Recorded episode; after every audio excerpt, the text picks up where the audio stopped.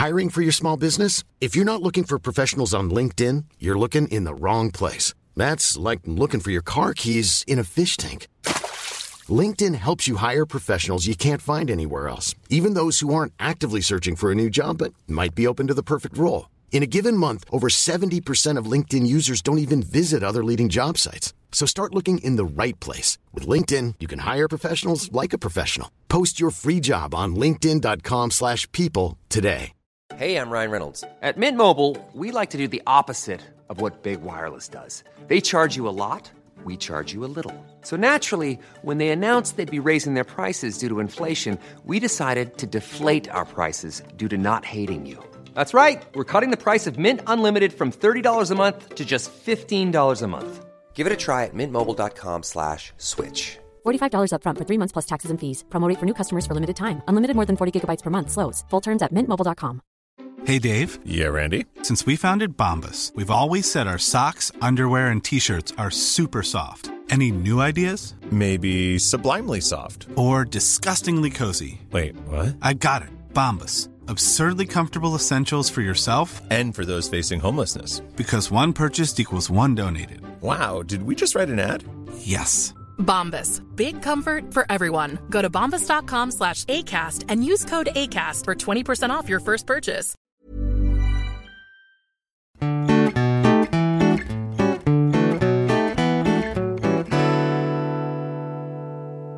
och välkomna till våran podd Mord i mina tankar. Jag heter Jessica. Och jag heter Amanda. Hej! Hej hej. Ja, säg det väl då. Hur är läget? Ja, du börjar alltid, men det, jag har vant mig vid det nu. Men eh, läget är bra. Lite seg. Det har varit en, en tuff start på veckan. Jag har haft mycket att göra på jobbet. Och det är bara tisdag idag. Ja. Det ska vara lugnare imorgon. Och jag har märkt av väldigt tydligt att det har blivit lite ljusare nu. Det tycker jag är så skönt. Jag var ute och gick idag. Ja. Du var ute och sprang Ja. efter jobbet. Jag gick en promenad mitt på dagen. Fy fasen vad skönt det var. Ja, jag älskar ju när det blir Jag hade ju lite ont i huvudet igår så jag var ju rädd att jag skulle vara sjuk. Men det var nog baksmällan från söndagens 13 timmars jobbpass. Efter veckan jag bara att du hade. har suttit och druckit handsprit hela dagen. Ja, precis. Nej, men det var nog min kropp som sa nej, stämplar vi ut för dagen. Stämplar ut. men, eh, mm, Ja, men jag vet, det här händer varje år. Det, det kommer en liten fake-vår. ja men det ska ju för fan bli snö igen. Ja, I helgen eller? ja, och så blir man så himla glad och tänker att nu är våren här. Varenda år går man på det. Och så kommer det mer snö och förstör ens liv så man liksom, det blir som en bitch-släp hela Ja, men man är så glad nu när det är så här. Ja, alltså det var jag 10 grader varmt och strålande sol. Du tycker bara vi ska rida på vågen så länge det varar. Ja, jag njuter. Ja. Ja. Eh, när vi släpper det här avsnittet har jag fyllt år. ja, just det, det har du. Hela 67 år. Ja men gud! Gud vad du ser ung ut. Ja. Nej men jag fyller år på måndag. Eller ja, nu på, alltså må- i måndags. Ja, just det, i måndags. Jag hade kul! Nej, jag ska... Jag har köpt present till dig. Ja, vad glad jag blir. Ja. Jag gillar ju presenter. Ja, nej, men det blir bra. Har du ett eh, litet case du vill... Eller har du en story? Jag har en story och vi kör. Det gör vi. Du har eh, varnat om att det kan bli långt. Ja, men det blir alltid det. Jag har svårt att sålla information. Jag tycker allting är värt. Okej. Cheryl Lynn Harper föddes den 31 augusti 1946 i New Brunswick. Pappa Leslie var flygofficer på RCAF, alltså någon bas. Eh, mamma Shirley var mamma. Som hon är. Hon Som det brukar mamma. vara. och eh, de har eh, tre barn tillsammans då. Och det är ju då Lynn, och hon är 12. Eh, Barry som är 16 och Jeffrey som är 5. Eh, och eh, de eh, bor i ett hus med stor trädgård och alltså de är en vanlig familj liksom. Var vi i USA? Eh, Kanada. Det sa jag inte, jag sa bara vad själva stället hette. Ja, du trodde på min lokalkännedom. Ja, men det trodde jag inte, men ja, det är Kanada. Ja. Jag gillar ju att vara där så att, ja, men Kanada. Har vi varit i Kanada när jag var i USA? Du var i Kanada, sen var jag i USA och nu är vi i Kanada igen. ja. Det är där allt händer. Ja. Lynn gick en kombinerad klass med sjuor och åttor. Eh, och hon... Sjuor och åttor, ja. Hon var tolv i och för sig, men ja. Ja, men det är väl lite Det olika i typ. Kanada än vad det är i... Ehm, hon beskrivs som en eh, petit, clean cut girl som var aktiv, alltså aktiv och sportig och allmänt så här gullig. Vad är man när man är clean cut? Jag vet inte. Städad. Nej men. Jag tror att man är lite så här. Nej jag vet faktiskt inte riktigt. Typ lite prop, eller vad heter det? Präktig? Alltså när jag skrev det här så hade jag en tydlig bild. Men nu blev jag osäker för jag vill inte säga fel. Nej. Men det Skit i det. clean cut, man hör ju typ. Ni kan gissa vad det är. Ja. det det som känns bra eh, stämmer nog. Eh, men hon hade ett ärr över läppen som hon skämdes över och eh, hon undvek ofta frågan om hur det hade kommit dit. Okej. Så hon var lite insecure. Någon gång så säger hon att hon ramlade ut ur ett fönster när hon var liten och någon gång säger hon att, hon hade ramlat på en schampoflaska. Eh, det var lite så här, men hon ville inte prata om det för hon tyckte väl att det var fult, I guess. Eh, ja, men hon var som en vanlig tolvåring och ville bli omtyckt i skolan. Eh, hennes lärare Edgar beskriver henne som ambitiös och high spirit och independent. Så härlig, självständig. Ja, hon, hon var energisk och läraren valde att placera henne längst fram i klassrummet så att han kunde hålla lite koll på henne för hon var lite såhär uh, all over the en place. liten terrier. Lynn älskar sport och eh, Kathy Beeman, ja, eh, hennes kompis då.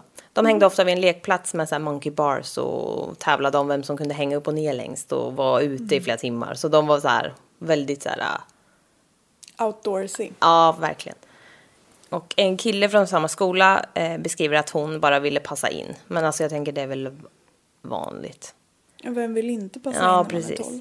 Och Hon gjorde det som de stora kidsen gjorde. Alltså hon var inte så mycket för att hänga med de yngre utan hon var intresserad av att vara med de som var lite äldre. Hon var lite mogen kanske.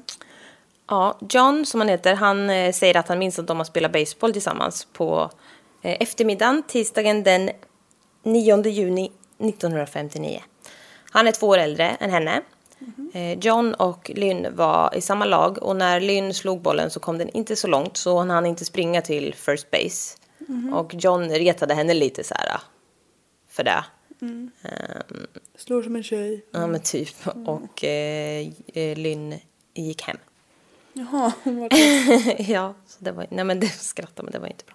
Nej, jag menar det vart mer en sån... Nej men oj, ja, det lät så oskyldigt när du sa det. Ja, Så nej men det var var, det antagligen inte det var landade inte så bra kanske. Nej. Hon kom i alla fall hem vid 17.30 och åt middag med sin familj.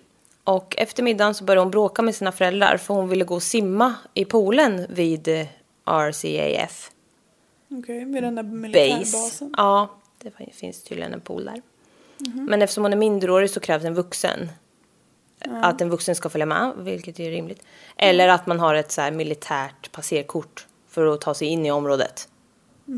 Men det finns väl inga barn som har det? Eller? Nej, men hon, nej, det gör det inte. Eh, Men hon gick dit ändå och försökte få låna ett kort.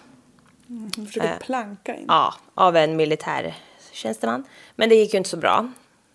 Bra ändå. att Såklart. Ja, jag kände det var väl eh, kanske lämpligt. Eh, hon gick hem igen och eh, diskade. Men eh, gick hemifrån igen vid 18.15 utan att säga vart, vart hon skulle någonstans. Hon hade turkosa shorts och en vit blus och ett halsband med ett lås som det stod RCAF på. Och det var sista gången hennes familj såg henne. Jag tänkte säga det lät... När man har en sån beskrivning tydlig så... Mm. Det lät inte så bra. Lynn gick till skolgården och såg några girl guides och en grupp ungar i 7-8 års åldern. Och sa att det hette girl. Guides. Alltså det var, jag, kom, det var, jag tyckte de sa brownie meeting. I don't know. Men det verkar vara typ scouterna. Brownie meeting låter som något jag hade älskat. ja, jag tyckte de sa brownie, men I don't know. Men det, jag fattar som att det var typ en liten samling, typ scouter-aktigt. Eh, och Lynn var också girl guide. Och det är ju så här, alltså, jag tänker det är lite äldre tjejer som är med. Och hjälper de yngre. Ja. Eh, och Lynn pratade med en vuxen ledare, Ann Nicholson. Så det verkar vara någon sån. Ann berättar att eh, Lynn hade sagt att hon inte ville gå hem eftersom att hon hade bråkat med sina föräldrar. Men vid fem över sju på kvällen så började Lynn ändå gå. Hemåt, antar jag. Eh, Ann såg en kille på en grön cykel komma och göra henne sällskap. Och det var Steven Truscott. 14 år. Han gick i samma mixklass som Lynn och de eh, kände ju varandra. Och han gled omkring på cykeln runt skolgården men ställde den och hoppade av när han såg Lynn. Eh, och han var en söt kille, lång för sin ålder med ljusbrunt hår. Han hade röda byxor och en ljus skjorta. Skjorta kavaj och röda Ja. Ja. Inte kavaj, men ja. Eh, Steven var väldigt eh, självsäker och också så här sportig. Han spelade fotboll och hans lag hade vunnit någon cup och så här. Mm, han var poppis. Ja, han var poppis. Men han ville inte bli alldeles för nära med någon grupp vänner utan höll sig lite på lagom avstånd. Eh, och han var en army brat. Och hans familj hade flyttat mycket mellan militärbaser. Så jag antar att han hade lärt sig hålla, va- bli kompisar med folk men inte för mycket. Så att han skulle sakna. Ja, lite sorgligt kände jag. Ja, faktiskt. Men eh, nu hade... Ja, men hans föräldrar Dan och Doris Truscott hade nu bott vid den här basen i tre år. Dan var befälhavare på RCAF och Doris var en homemaker. Steven hade tre syskon. Ken som var tre år äldre, 16. Och Bill och Barbara som var yngre. Det står inte hur mycket yngre. Bill och Barbara, vad de rullar bra de namnen. Ja, Bill och Barbara. Den kvällen kom Steven hem vid 20.30 för att vara barnvakt åt sina yngre syskon. Men innan det så cyklade han ju runt i området då. Och det här var inte första gången som Lynn hade sett honom. De hade träffats på ett house party for local teens några dagar innan. Där Lynn hade gått fram till honom och frågat om de skulle dansa. Gullig. Cool unge ändå. Eh, han hade sagt ja och de dansade en liten stund. Och några här, andra eh, hade, liksom, de hade sett dem där. Nu på skolgården så frågar Lynn om Steven kan skjutsa henne på cykeln eh, till hi- Highway 8. Och hon sa då enligt Steven att hon kanske skulle, kanske skulle träffa några hästar och något om något vitt hus utanför stan. Eh, och flera vittnen såg dem gå iväg tillsammans den kvällen. Och bland annat den här eh, ledaren då, Ann. Och när de kommer ut på vägen så klättrar Lynn upp på styret och de cyklar iväg. Obehagligt att köra någon på styret. Ja, kanske. Nej, inte. Lynn var glad, men hon berättade eh, att hon var osams med föräldrarna då för Steven. Och eh, att hon ville bli avsläppt vid Highway 8. Och eh, han säger att han släppte av henne där och sen cyklade tillbaka. Och han tittade bakåt och då stod hon och skulle lyfta vid vägen. Han berättar att han såg en eh, 1959 Grey Chevrolet med gul nummerplåt som plockade upp henne. Hur vet man att det var just en 1958? Han minns det för att det var samma år som de hade ändrat modell på just den bilen. Ah. Så han hade lagt märke till det. Steven ser klockan på skolan som nu är 20.30 och när han och Lynn cyklade iväg så var den 19.25 så det var ju bara fem minuter tidigare. Va, nej, vad sa du nu? Eh, förlåt. En timme och fem Ja. minuter. Flera elever såg dem åka tillsammans på cykeln och en bekräftar att han åkte tillbaka ensam på cykeln. Tillbaka dem. Han stannade till vid skolgården igen där hans äldre... Nej men vänta. Nej, jag tror att jag har skrivit fel faktiskt. Jag tror att det ska vara 19.30. Ja, ja. Så det hade bara varit några minuter. Han stannade till vid skolgården igen där hans äldre bror var med några kompisar. Eh, Så han stannade och snackade med dem en stund och eh, innan han åkte hem och skulle ta hand om sina småsyskon. Och eh, kompisarna bekräftar att han var där och att, att alltså, det var som vanligt allting. Steven kommer hem och möts av sin mamma som pratar med en granne och då är klockan 20.25 för han skulle vara hemma 20.30. Ja. Lynn Harper kommer aldrig hem. Den kvällen letar hennes föräldrar som galningar såklart när de inser att hon inte kommer hem. Leslie kontaktar någon vakt på militärbasen och berättar att hans dotter är borta. De snackar om att hon kanske har lyftat till hennes grandmother i Port Stanley, ungefär 20 mil därifrån. Vet inte om det kanske är något som har hänt förut. 20 mil? Ja. Långt borta. Ja. Ja. De ringer polisen som säger att hon most likely är en runaway som lyftat dem. Såklart. Livsfarligt. Men det sågs ju inte som livsfarligt då liksom. Nej. Leslie och Shirley lämnar tänt och öppet i huset om Lynn skulle komma hem under natten. Nästa morgon hade hon fortfarande inte kommit hem. 7.30 drar pappan iväg till RCAF Base och frågar ut alla om de har sett hans dotter. En av dem var Dan Truscott, Stevens pappa. Mm. som sa att han själv inte hade sett henne men att han kunde stanna förbi hos, alltså hemma hos dem och höra om resten av familjen kanske visste något. Så han åker dit direkt.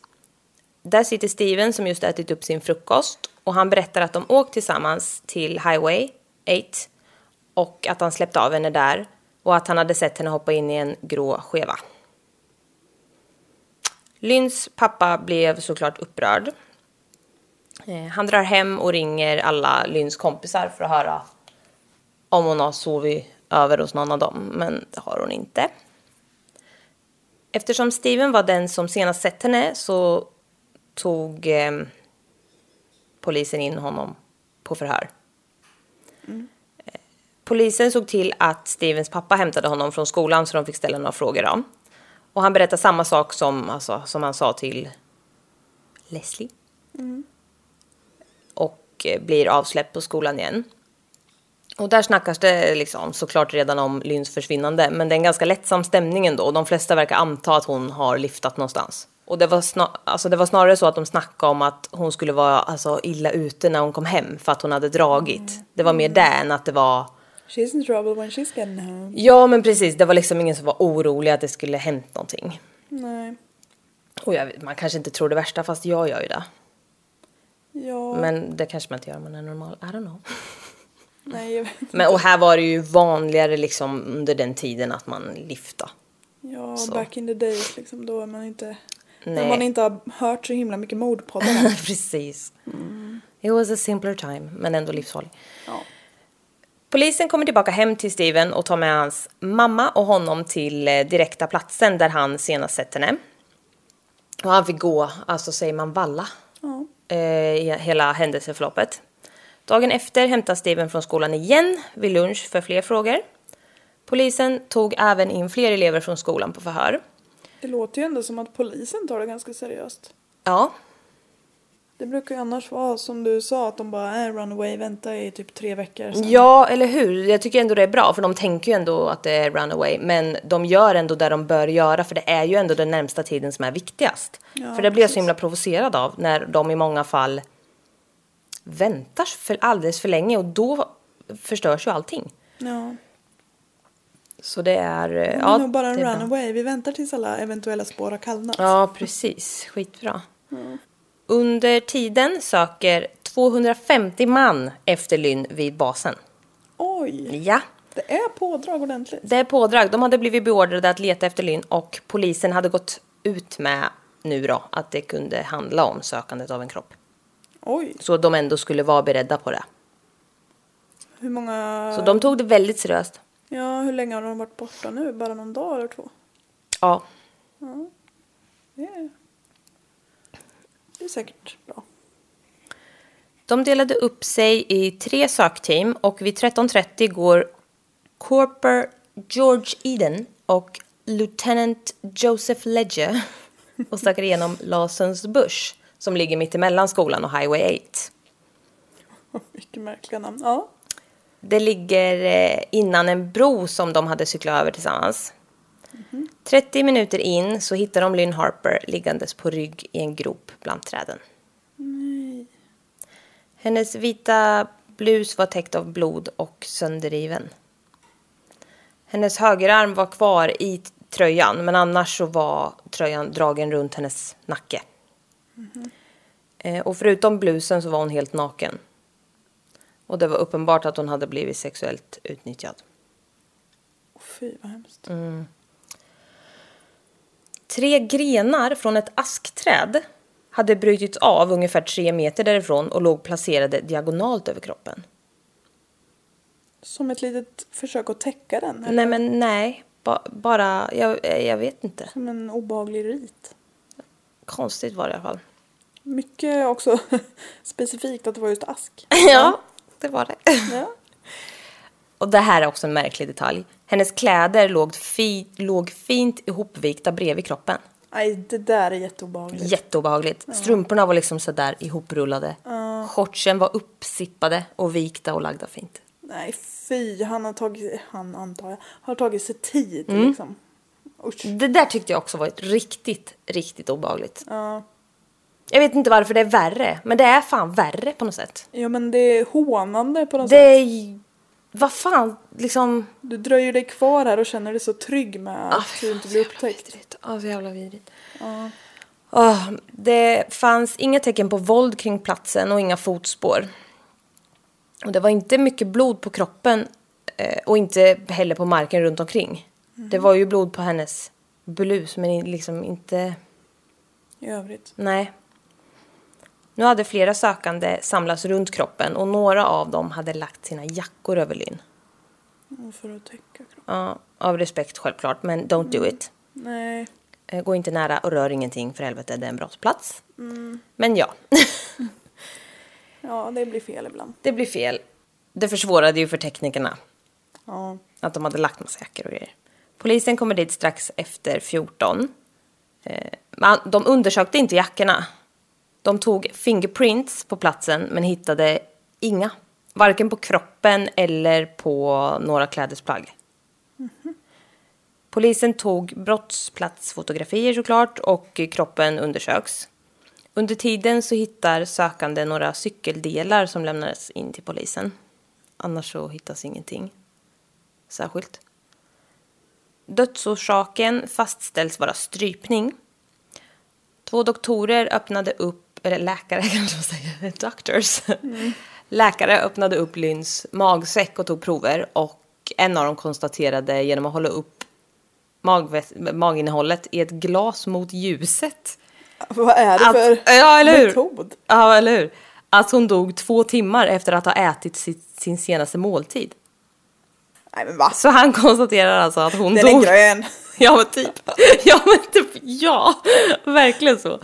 Och han eh, konstaterar då att hon dog mellan eh, 19.15 och 19.45 den kvällen. Oerhört tveksam metod. Han liksom slickar lite på fingret och höll upp det i vinden. Ja. Jaha. Ja. Steven hade ju innan bekräftat att han var med Lynn under den tiden. Ja. Maginnehållet skickas till ett labb i Toronto för noggrannare undersökning. Eh, ja tack. Bra. Eh, En körig, redig polis från Toronto kommer för att hjälpa till. Jag trodde vi pratade om maginnehållet fortfarande. Nej. En körig, redig polis. Du fattar ju Ja. typen. Eh, han kollar upp fakta kring fallet, men eh, snabbt blir Steven Truscott hans number one suspect. Ja, det ser inte ljust ut för den pojken just nu. Tre dagar efter tar de in Steven igen. Han drar samma historia igen och nu kommer provet från labbet och nu har de bekräftat att hon dog mellan 1915 och 1945. Oj, det är ändå narrow it down ganska bra. Verkligen. Men det var ju det han med glaset sa också. Ja, och han är ju någon jävla superläkare. Men alltså det är bara en halvtimme liksom. Ja, Ja. Eh, Den enda som var med henne under den tiden var Steven. Och polisen misstänker honom. De eh, förhör honom under mycket press och utan varken föräldrar eller advokat. Han är 14 bast. Miranda rights har inte uppstått än. Det är också USA förresten. Glöm allt jag sa. Polisen konfronterar honom med eh, vad en av hans klasskamrater berättat. Jocelyn Gordett. Som sa att Steven hade frågat ut henne på en dejt kvällen Lynn blev mördad. Och att de skulle till eh, Jasons Bush och kolla på något. Ja, de skulle kolla på några kalvar i närheten tror jag. När Steve... Gulligt på sån dejt ändå. Va? Gulligt. Jättegulligt. 14-åringar som ska åka och kolla på kalvar. Ja, alltså jag vill kolla på kalvar. Jag vill gosa med kalvar. När, när Steven hade kommit hem till henne vid 17.15 så var hon inte hemma. Hon menar att han istället siktade in sig på Lynn. Jocelyn säger att hon gick till Jasons Bush senare, men... Eh, ja, just det. Men tiden och om hon letade efter Steven eller Lynn förtällde inte riktigt historien, för hon ändrade fram och tillbaka. Hon hade svårt att... Så egentligen skulle han ha varit med den här andra tjejen tidigare. Jocelyn, säger hon. Ja. Mm. Det är så hon säger. Polisen försökte få Steven att erkänna våldtäkt och mord, men Steven höll kvar i sin story. Som han har sagt hela tiden.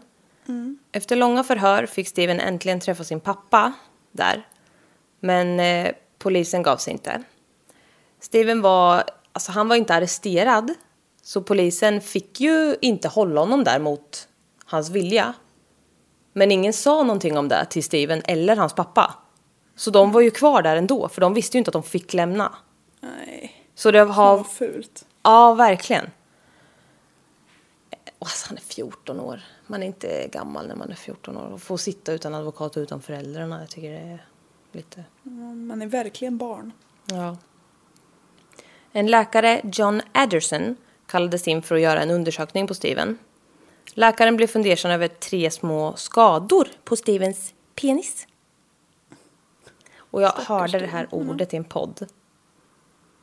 Och jag har försökt, du vet när man hör ett ord och är osäker på vad det betyder så man skriver in det hundra olika stavningar på Google Translate. Och det första som jag fick fram var blodiglar. jag bara, jag tror inte de hittade tre blodiglar på hans penis. Nej, det hoppas jag verkligen inte. Men eh, sen så eh, hörde jag vad det var. Och det var ju något ord för skador. Jag minns inte exakt vad det var för ord. Wounds. Nej, inte det. Men lesions var det. Läkaren trodde att de kom, uppkom när han försökte våldta Lynn. Han vägrade erkänna, men polisen häktade honom morgonen efter. Svag bevisning ändå. Du har lite sår på din penis, alltså måste du ha våldtagit någon. Ja, Skulle kunna vara, men ja. hela staden blev lättad att de hade hittat någon och militärbasen pustade ut för att det liksom inte var någon av deras anställda eftersom det var vid deras område. Ja, just det. Ja, det hade varit en jävla mer skandal om en militär hade gått på en 12-åring. Ja, men det hade ju inte varit så kul för dem kanske. Nej, speciellt inte, eh, för jag antar att Kanada också är väldigt så militärer. Uh, det är bra skit. Ja, I guess. Samma dag som Stevens Hey, I'm Ryan Reynolds. Recently, I asked Mint Mobile's legal team if big wireless companies are allowed to raise prices due to inflation. They said yes. And then when I asked if raising prices technically violates those onerous two year contracts, they said, What the f are you talking about, you insane Hollywood ass?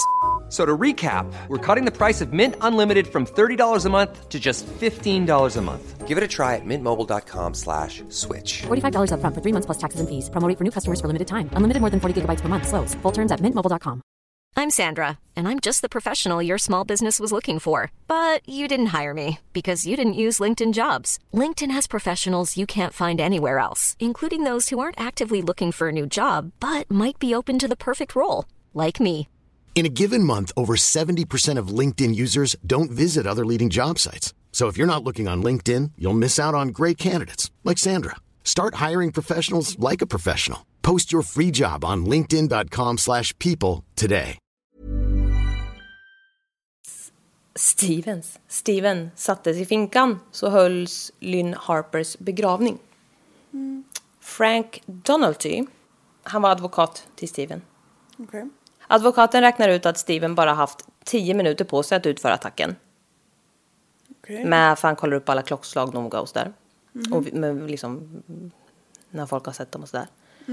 Eh, och polisen har dessutom inga direkta fysiska bevis till brottsplatsen. Den 16 september 1959 började rättegången och det var beslutat att Steven skulle prövas som vuxen. Alltså, de håller på. Det här då. Han riskerar dödsstraff by hanging. Oj! Han är 14 år. När var det här? 60-talet sa du? Mm, 59. Jäklar. Det är brutalt känner jag. Det är riktigt brutalt. Oavsett Ja, metod att avrätta dem på. Men... Sjukt. Och Och återigen det här, ja vi bestämmer att han ska prövas som vuxen. Varför finns ens skalan? Ja, Juvenile court, varför liksom... ja antingen prövar In, vi... ingen bryr sig om den ändå. Nej. Antingen är de barn eller så är de inte barn. Jag blir så irriterad. 14-åringar är barn. Så är det. Inte en Är straffmängd. 10-åringar bebisar så är ju 14-åringar i alla fall inte något annat än barn. Nej. Åklagaren menar att Steven aldrig kört över bron till Highway 8 utan tagit av ner till skogsområdet istället där han utfört attacken för att sedan cykla tillbaka till skolan. Flera vittnen säger att han var helt normal när han kom dit och pratade med brorsan och hans kompisar. Liksom, det var inget konstigt med honom. Lynns mamma vittnar om att Lynn aldrig, aldrig liftade. Men det kommer fram lite senare att hon faktiskt gjorde det ganska ofta. Men de ville väl liksom... Jag förstår ändå. Ja, Alltså så här, de- ville väl bara reda ut det här och, och ja, jag kan verkligen de trodde tänka väl liksom att det var... Ja, om de tror att det är han, då hittar ju Ja. de bevis som Ja. visar på det. Ja, så det är ju liksom inte så himla konstig reaktion ändå. Nej. Lynn blev strypt med sin egen blus och läkaren uttalar sig om att hon dött på platsen hon hittades. Death took place where the body was found. Och eh, angående Lynns vaginala skador så sa han Might possibly have been produced by a blind violent thrust of the male organ. Fy, vilken vidrig mening. Eller hur? Det var därför jag kände att jag måste ta med det. What the fuck is this? Ja. Thrust. Ja men alltså fy fan. Stevens sår på penis tog såklart upp som argument eh, för att han våldför sig på henne. Och tydligen så matchade skadorna och kunde mycket väl bero på det enligt läkare. Ja, men Alltså, det kan ju bero på men- 13 000 miljarder andra things. Ja, things. det känns lite så. Men det är ju lägligt och... Ja men du Ja, vet. det är klart att det är en Men det känns lite olycklig så. omständighet såklart. Ja. Eh, Jocelyn Gordet vittnade om att Steven hade kommit hem till henne tidigare den kvällen för att de skulle titta på nyfödda kalvar var det. På Lawsons farm, men att hon inte var hemma då. då. Så hon säger det igen. Eh, men hon blandade ihop mycket och tydligen hade hon frågat någon annan kille om de skulle göra det. Men det var tre veckor innan. Så det lät lite som att hon var lite flum alltså. Det hängde inte riktigt ihop. Gjorde det inte. Hon håller inte riktigt ordning. Nej, hon mindes inte riktigt. En klasskompis till Steven hade sagt eh, till flera klasskamrater att han hade sett Steven tillsammans med Lynn i Jasons bush den kvällen. Men säger senare till andra att han inte hade sett dem. Så det är mycket så. Men det är också barn. Alltså det här är ju barn, det är tolvåringar som, Ja, jag kan, ja. jag vet inte. Det känns som att barn kan kanske vara lite så att ja men jag såg dem. Sen bara Ja. när det blir straight så bara ah, fast nej jag vet inte. Nej, kanske precis. inte." Ja, det känns lite som det. När han vittnar i rättegången säger han att Steven hade varit hos honom 18.00 dagen efter Lynn försvann och bett honom ljuga och säga att han sett de två cykla tillsammans över bron. Han blandade också ihop och sa lite olika. Men han sa i alla fall att Steven ljög. Okej. En specialläkare blev inblandad och hade mycket erfarenhet och hade jobbat i Europa under andra världskriget. Exotiskt. Ja. Dr. Barkley Brown. Vilket härligt namn. Ja. Han hade undersökt tusentals soldater, including alltså män som misstänks för våldtäkt. Och säger att det inte alls var troligt att de skadorna hade uppkommit av liksom, tvångsmässig penetration. Han sa att det, det är jävligt ovanligt att det liksom ens blir skador på manliga könet. Men om det blev det så var det den här strängen som gick av. Frenulum! Stränget mellan förhuden och resten eller. Skaftet. Ja. Ja. Frenulum. Välkommen till latinska ja.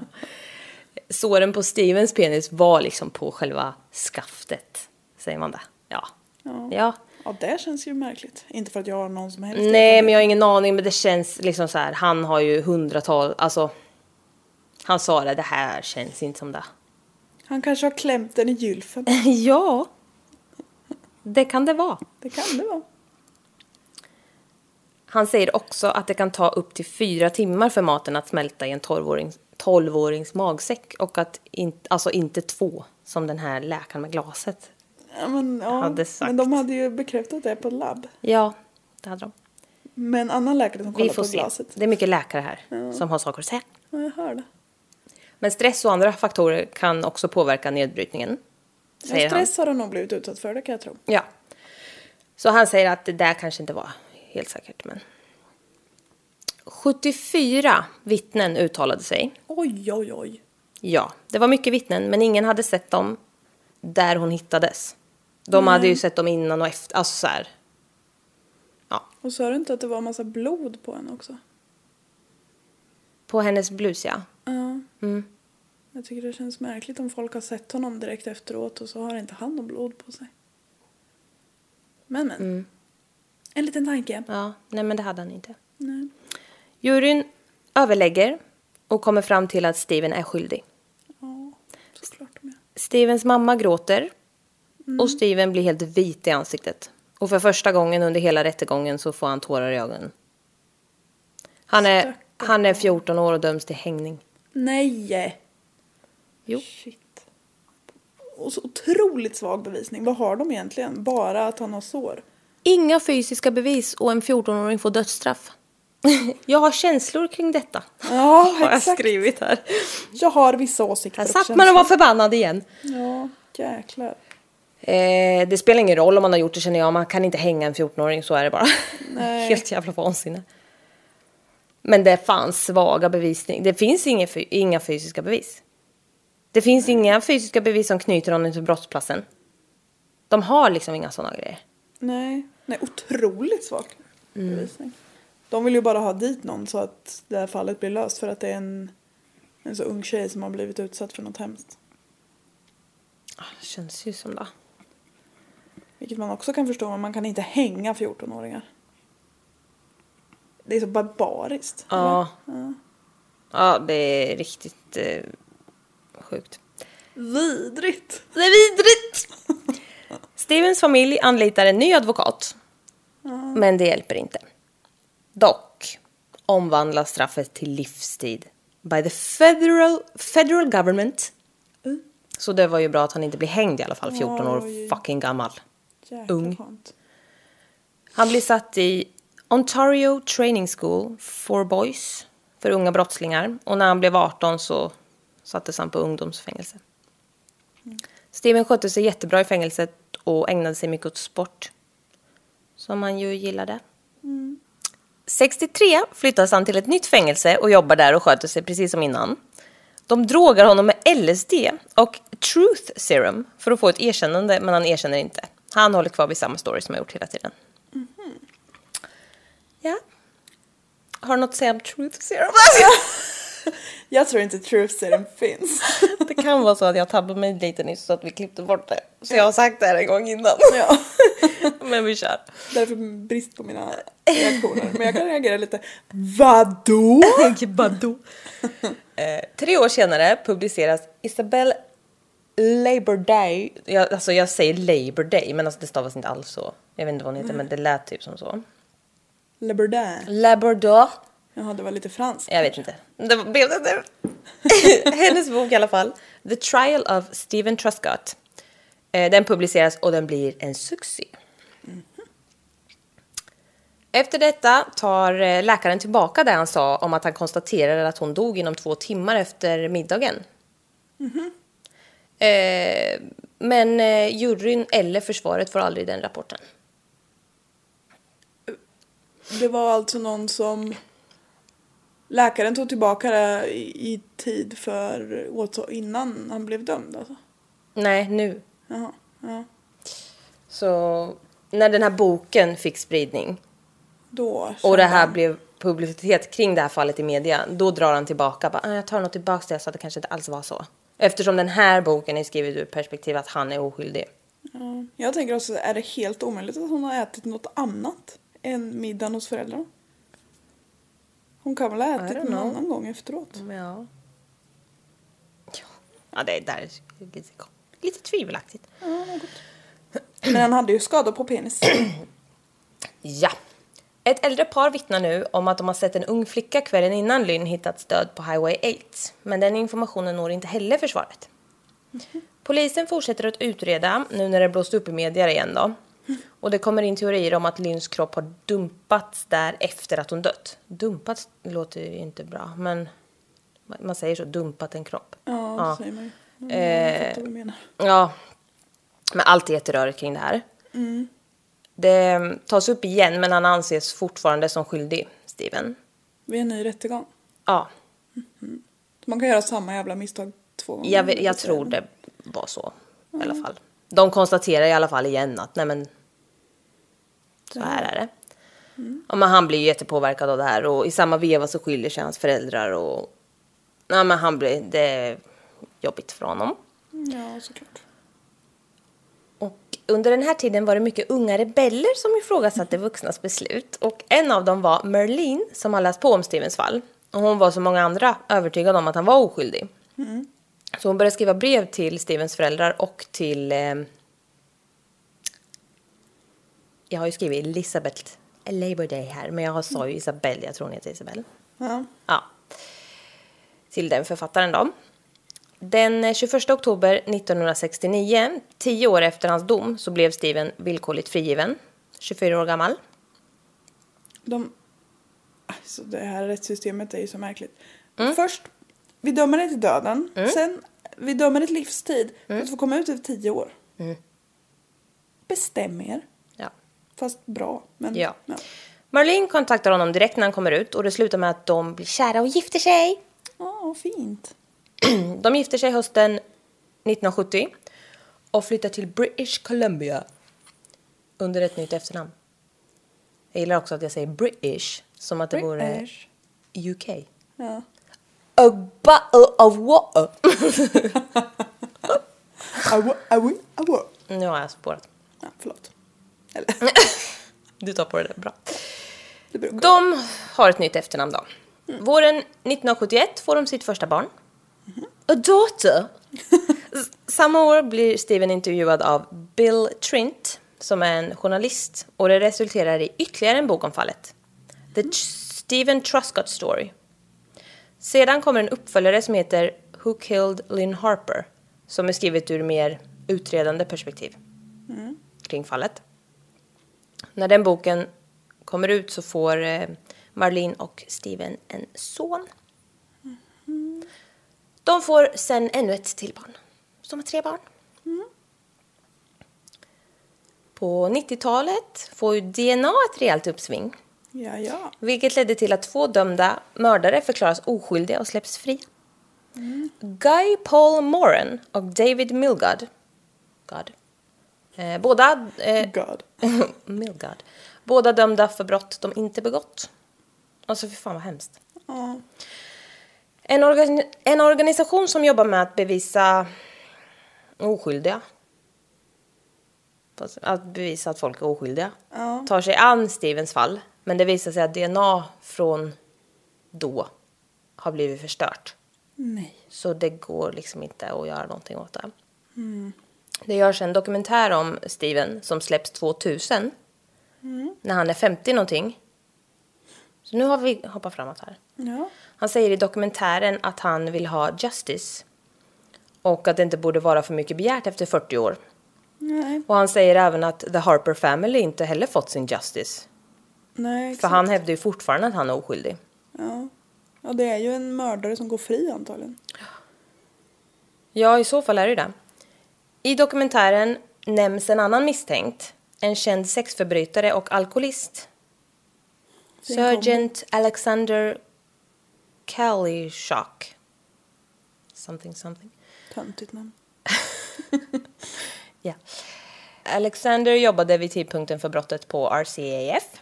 I samma veva som Lynn Harper blev mördad och våldtagen så blev Alexander misstänkt för att ha försökt lura in en tioårig flicka i sin bil. Så var en grå skeva. Who knows? Det lades dock ner i brist på bevis. Han misstänks också ha försökt plocka upp barn vid flera tillfällen i sin bil. Obehagliga. Och han blev inlagd på sjukhus på grund av svår ångest efter mordet på Lynn i den vevan. Men eh, släpptes. Men de höll ett öga på honom för han var ju fett skum. Han dog till följden av sin alkoholism 1975 så man får aldrig veta grejen med honom. Efter det valde Steven att ta tillbaka sitt riktiga efternamn och sa att han ville att hans barn skulle ha hans namn, alltså hans pappas namn. 2006 grävs Lynns kropp upp för en forensisk undersökning igen. Men den var så förmultnad att det inte gick att få fram något av Jag det. syns det var jättelänge sedan. Ja, Det var hemskt ändå att gräva upp kroppen och så var det till ingen nytta. verkligen. Det kommer fram att Jocelyn, hon som inte hade någon riktig koll, ljugit om att Steven skulle haft en dejt med henne den kvällen. Och det är en sjuksköterska som studerade samtidigt som Jocelyn som berättar att Jocelyn hade erkänt det för henne. Okej. Hon var väl intresserad av Steven. Så hon var väldigt, ja. Men ljug inte till polisen. Ja, Make up it in your own head att du vill gå på dejt med honom men låtsas inte det för polisen. Det var ju väldigt sjukt. Eller? Ja, men det var inte så bra. Men hon var ju bara ett barn också så jag...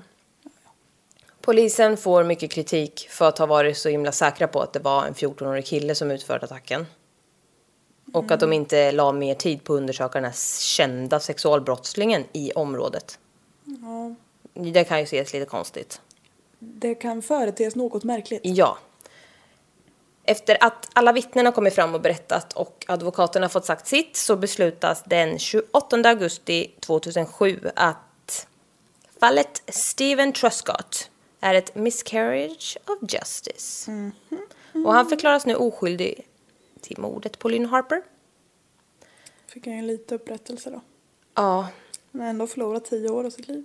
Ja, och mer därtill. Han har ju flyttat jättemycket med sin familj för att vara anonym och sådär. Ja, just det. Det är ingen Och som bytt namn och- child molester. Ja. Ja. Och det här blir den största... Sen har jag slutat, för jag tänkte jag skulle fortsätta på den här meningen men jag kom aldrig på. Det här blir den största... Dagen i ditt liv. Ja, well. Det blir den största rättsliga process i kanadensisk historia. Nej men typ. Menar du att det är Kanadas största miscarriage of justice? Ja, Ja. något sånt. Och Precis. jag har tagit Storbritanniens. Ja, men se där! Ja, men där. Ett av vittnena var en kvinna som berättade att hon som sexåring gömt sig i sin pappas bil och då sett honom från bilen. Alltså för han satte sig i bilen och åkte iväg när hon hade gömt sig där i. Han, och då har han stannat och då har hon sett sin pappa bära en livlös flickas kropp in på ett gräsigt område. Nej men lille barn. Och hon kommer ut och säger det när hon är kvinna, vuxen. Ja, När det här kommer upp i media igen. ja, en liten sexåring förstår ju inte. Mm. Och det var, ju, det var ju i den vevan det hade hänt, Ja. säger hon. Flickans pappa då var en minister och eh, en möjlig sexualbrottsling som bodde i närheten av basen. En annan nämnd misstänkt tog eh, aldrig ens upp i fallet om Lynn Harper. Så det var liksom konstigt med den där utredningen ändå. Det var som att de bara bestämde sig, nej men det är den här killen. ja, exakt. Ja. Har du kastat på mig ett olöst fall? Wait for it. Nej men alltså det är inte så jävla tillfredsställande. Den 7 juli 2008 får 63-åriga Steven 6.5 million dollars i kompensation. Ja. Vid 67 års ålder får han prostatacancer. Nej. Nej men gud vad konstigt det här blev. Nej men, nej men. Nej det var inte bra. Staten ger honom Nej, pengar. men, ja men det var så konstigt. Bara, han får så mycket och sen bara han får prostatacancer. Ja. Det märks att jag har skrivit många sidor här nu och börjar tröttna lite grann. att lägga fram det snyggt. Men han får prostatacancer. Men 2014 blir han helt av med cancern. Ja men vad skönt. Och lever fortfarande med sin fru Marlene. Ja, vadå? Harper-familjen hade flyttat ut, nej, hade flyttat till UK för att försöka gå vidare med livet. Alltså flickans familj. Eh, 2007 gick Lyns pappa Leslie ut i media och talade ut om fallet. Han var då 90 år, de hade inte sagt någonting. Oj. 90 bast. 90 barre. Mamma Shirley hade gått bort av en hjärtattack tidigare. Och de hade såklart haft ett helvete när det visade sig att Steven inte var skyldig. Ja, För han är ju oskyldig nu liksom. Det är ju så. Och de hade ju... Ja, det, måste vara, det måste vara jävligt svårt att deala med det här, känner jag. Ja, om de nu har liksom sörjt med tanken att ja, ja, man, vi har ju ändå satt dit han som gjorde det. Och så Mm. Ja. har de inte alls gjort det. Nej, vara jättehemskt. jättejobbigt. Eh, Leslie tyckte att det var, vore väldigt konstigt om Lynn hade blivit upplockad av en bil för att sedan köras tillbaka och lämnas i samma område avliden. Så han menar liksom att han tror att, han, de tror ju att det är han. De tror att det är Steven. Ja, okej. Leslie har nu också gått bort och de fick aldrig ett avslut kring fallet. Familjen Harper fick ju ingenting. Gud vad hemskt.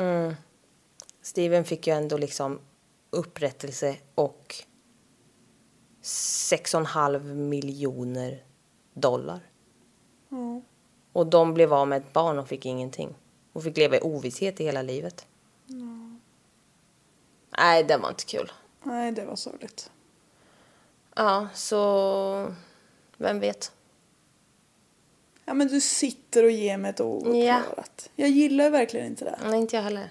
Nej. Det var en jättebra story, men jag är ändå besviken. När jag började skriva så trodde jag ju att det var han. Ja, jag förstår det.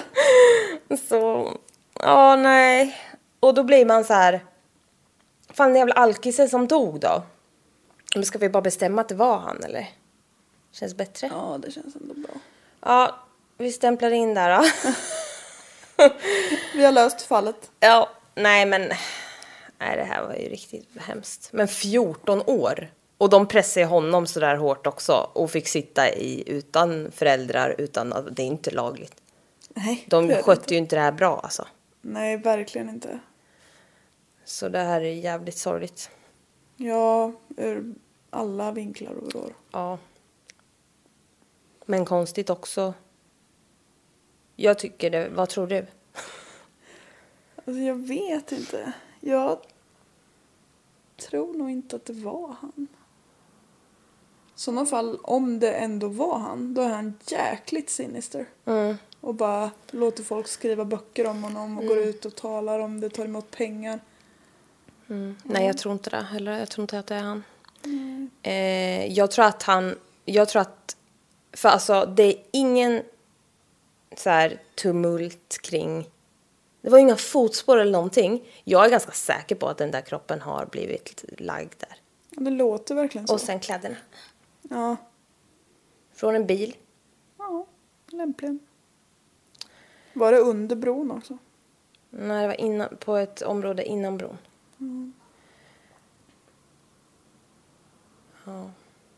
Nej, nu eh, stämplar vi ut. Ja. Det här var första och sista gången du tar ett ouppklarat fall. Nej. Ja, men det är fan, man lämnas... Det är ett antiklimax att behöva Ja. säga det.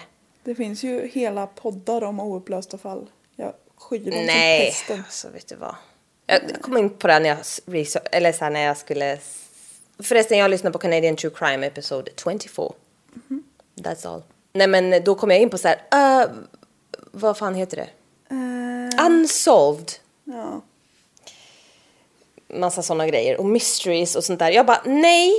Please, I do not want. Men sen så började jag läsa om det här och bara, men vad fan. ja, det är en bra story. Det var bra. Mm. bra. Men Mysteries är nästan ännu värre. Nej men alltså jag blir så provocerad av det. Ja. Vad vadå vi vet inte? Och vad då bara? Nej. Nej. Ja, nej men vi ber om ursäkt. Vi får se. Nästa vecka blir det nog inte ett sånt här då. Nej, jag, nej, jag kommer aldrig. Nej. Aldrig! Aldrig. Jag kommer säkert få äta upp i framtiden. Ja, nej men det här har bara säkert blivit långt nu så vi säger eh, tack och adjö. Adjöken. Nu stämplar vi ut. sprid vår podd. Ja. Säg åt eran mormor, farmor, syrra, kusin, barn, barn och lyssna på vår podd. Säg åt alla ni vill. Och känner. Ja. Mord mina tankar på Instagram. Jessica Thys heter du och Redlock heter jag. Yes. Instagram. Kom gärna med tips om fall för ibland så står det still för mig. Skicka gärna på min... eh, Slide into my DMs.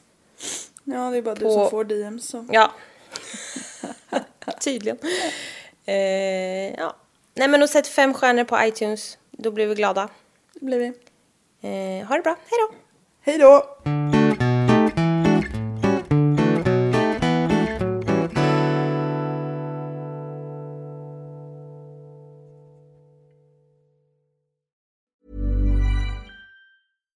Hey, it's Paige DeSorbo from Giggly Squad. High quality fashion without the price tag. Say hello to Quince. I'm snagging high-end essentials like cozy cashmere sweaters, sleek leather jackets, fine jewelry, and so much more. With Quince being 50 to 80% less than similar brands. And they partner with factories that prioritize safe, ethical, and responsible manufacturing. I love that. Luxury quality within reach. Go to quince.com slash style to get free shipping and 365 day returns on your next order. Quince.com slash style.